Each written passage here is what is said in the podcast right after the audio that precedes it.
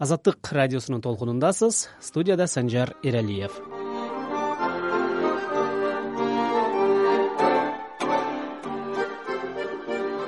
эки миң жыйырма биринчи жылы дүйнөдө кандай чоң окуялар күтүлөт? Кандай тенденция бурулуштар болушу мүмкүн? Пандемиядан чарчаган элдин жашоосу оңолобу жыйырма бир деген сан сыйкырдуу жакшы энергия ала келет дешет астрологдор анда ушул сыйкырдуу жылы эмнелер күтүлүп жатканын кесиптешим венера сагындык кызы менен талдайбыз. Элдин дээрлик баарында азыр бир суроо бар десем жаңылышпайм. Пандемия менен коштошобузбу же кандай болот? Коштошууга даярданабыз деп айтсак болоттур эксперттер эмитен эле эки миң жыйырма бирди пандемиянын экинчи жылы деп атап жатышат. Анткени коронавирус жоголгон жок. Баардык мамлекеттерде ар кандай деңгээлде арышын улантып жатат жаңы жылдын алгачкы алты айы файцер бионтек модерна жана башка компаниялар сунуштаган вакцинага атаандаш ар түрдүү илимий долбоорлордун жарышын көрө алабыз. Медицинада бир вакцинаны даярдоо буга чейин он жыйырма жылдык убакытты талап кылса бул жолу ковидтин дүйнөлүк коркунучунан улам болуп көрбөгөндөй кыска убакытта сыноо өткөрүп ушул тапта дүйнөдө үч жүз жыйырмадан ашуун жаңы вакциналардын үстүндө илимий иштер жүрүп жатат эл аралык деңгээлде илимий медициналык кызматташтык жеңсе буюрса келерки жылдын аягында эки үч миллиарддай кишиге вакцина сайылып коронавирус таптакыр жоголуп кетпесе да жайылуусу азайып адамзаттын жашоосу жеңилдей түшөт деп күтүлүүдө. Соңку сурамжылоо көргөзгөндөй бирок дүйнө калкынын он сегиз жаштан улуу катмарынын төрттөн бири тез арада даярдалган вакцинанын организмге ар кандай көмүскө кесепети болот деп чоочулап аны сайдырууну каалабайт экен. Бул көрүнүш да ковидтин коркунучун эл аралык деңгээлде жоюуда тоскоолдук болоору шексиз. Дүйнөлүк коркунучу бар коронавируска каршы күрөштү натыйжалуу жүргүзүш үчүн баардык мамлекеттер ортосундагы байланыш кызматташтыкты күчөтүү зарыл ошентип ковид акш кытай орусия европа деги баардык мамлекеттер биргелешип иштеши керектигин дагы бир жолу далилдеп отурат. Э, жакшы экен э, саясатта биргелешип иштей алышабы же илимий байланыштар менен чектелип калышабы жакшы суроо. Негизи кандай болбосун кризисти популист саясатчылар жөндөй албайт тура. Ковидке башында текебер мамиле кылган акш бразилия мексика британия индия польша орусия жана башкалар аягында калкы эң көп жабыр тарткан өлкөлөр болуп калбадыбы? Январь айында америкада жаңы президент демократ джо байден ант берип кызматка киришип жатканы дүйнөлүк аренада эми кайрадан глобалисттердин добушу бекемделет деген үмүттү жандырат. Байден кантсе да азыркы президент дональд трамптын далай чечимдерин өзгөртүп мисалы акшны дүйнөлүк саламаттык уюмуна кайрадан киргизүү глобалдык климаттын өзгөрүүсүнө каршы париж келишимине кошулуу жана ирандын ядролук программасы боюнча алты тараптуу эл аралык келишимди калыбына келтирүү өңдүү убадаларды берип жеңбедиби. Ошондой эле трамптын убагында киргизилген бир катар калкынын көбү мусулман мамлекеттердин жарандарына киргизилген миграциялык чектөөлөрдү жоюорун да айткан. Андай өлкөлөрдүн арасында кыргызстан да бар эмеспи негизи эмгек мигранттар үчүн эки миң жыйырма бир дагы эле кыйын жыл болот. Чек аралар ачыла башташы мүмкүн бирок чектөөлөр дагы эле катаал болчудай.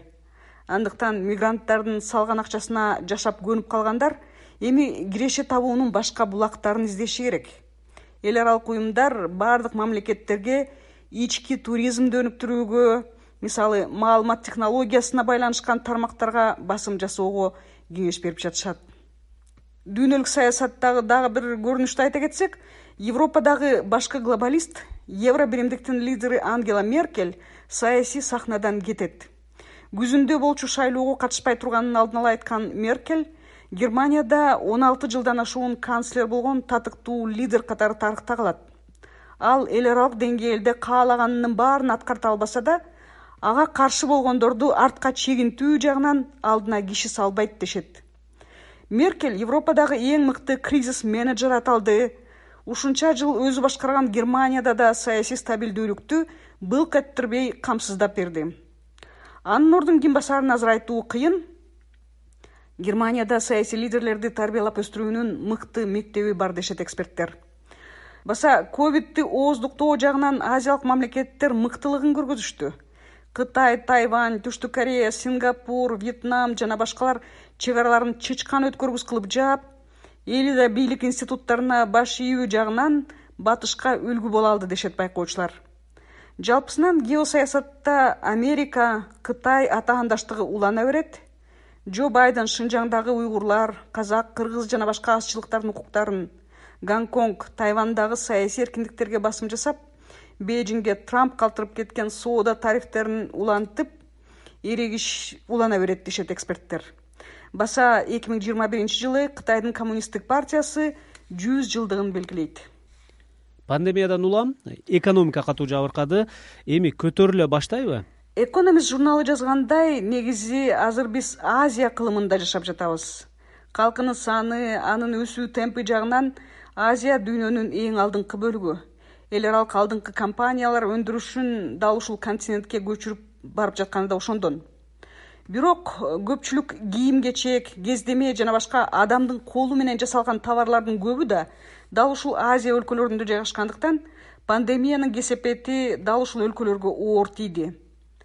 Дүйнөдөгү текстиль товарларынын же кийим кечек кездеменин жетимиш беш пайызы бангладеш камбоджа кытай индия шри ланка пакистан индонезия өңдүү азиялык он мамлекетте өндүрүлөт экен. Филиппин да бар бул жерде.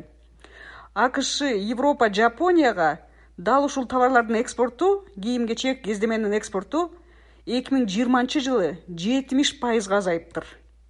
Карантинден улам чек аралар жабылып эл да товарды аз сатып алып калды.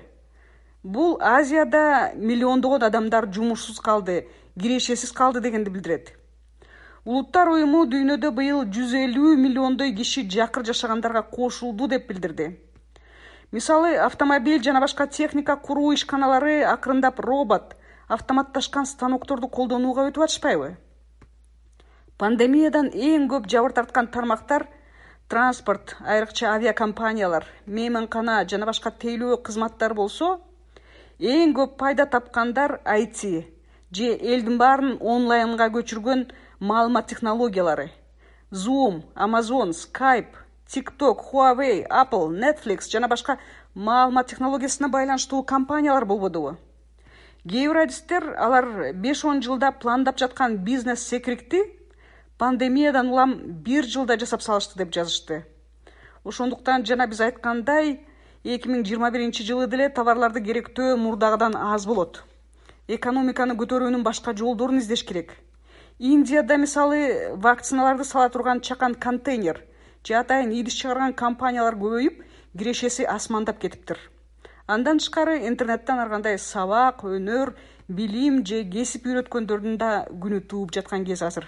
Миңдеген компаниялар кызматкерлерин үйлөрүнөн иштетип адамдар керектүү оокатын интернет аркылуу сатып соодалаганга өтүшпөдүбү бул көрүнүш улана береби? Ооба офистер азайса каражат гана үнөмдөлбөй жаратылышты коргоого да пайдасы көп экен. Мисалы мага үйдөн иштеген жакты стресс аз болот экен бекер жолдо жана жумушка даярданууга кеткен далай убакыт үнөмдөлөт экен үйдө көбүрөөк убакыт өткөрөт экенсиң.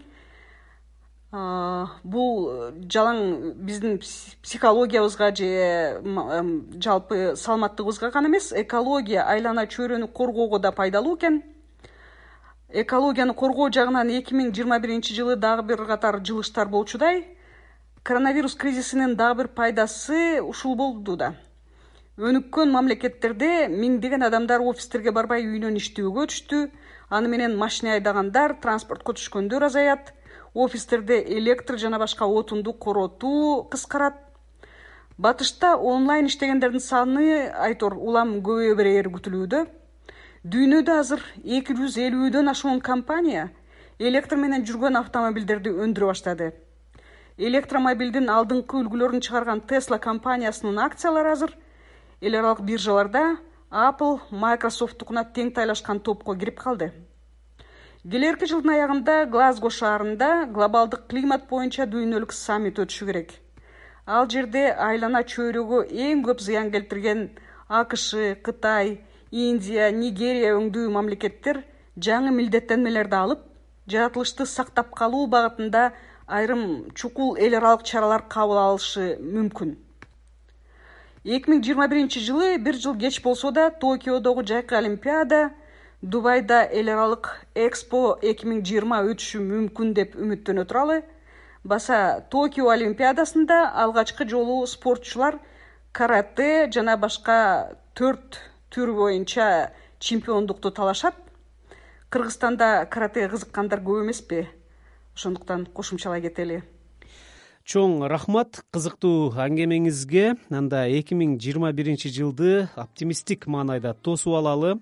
Ковид кризиси жеке мага кандай жаңы мүмкүнчүлүк ачты деп ойлонуп көрөлү. Биз менен сыйкырдуу жылга кесиптешим венера сагындык кызы саякаттады фондо болсо канекей эралиева аткарган жаңы жылды тосолу деген ыр сөзүн турар кожомбердиев обонун сардарбек жумалиев жазган бул чыгарма көп жылдардан бери кыргыз коомчулугунун жаңы жыл майрамындагы салттуу ыры болуп келатат отуз биринчи декабрь күнү канекей эралиева менен байланышканымда бул чыгарма өткөн кылымдын жетимишинчи жылдарында жаралганын айтып берди. Шартка байланыштуу маек кыла албадык.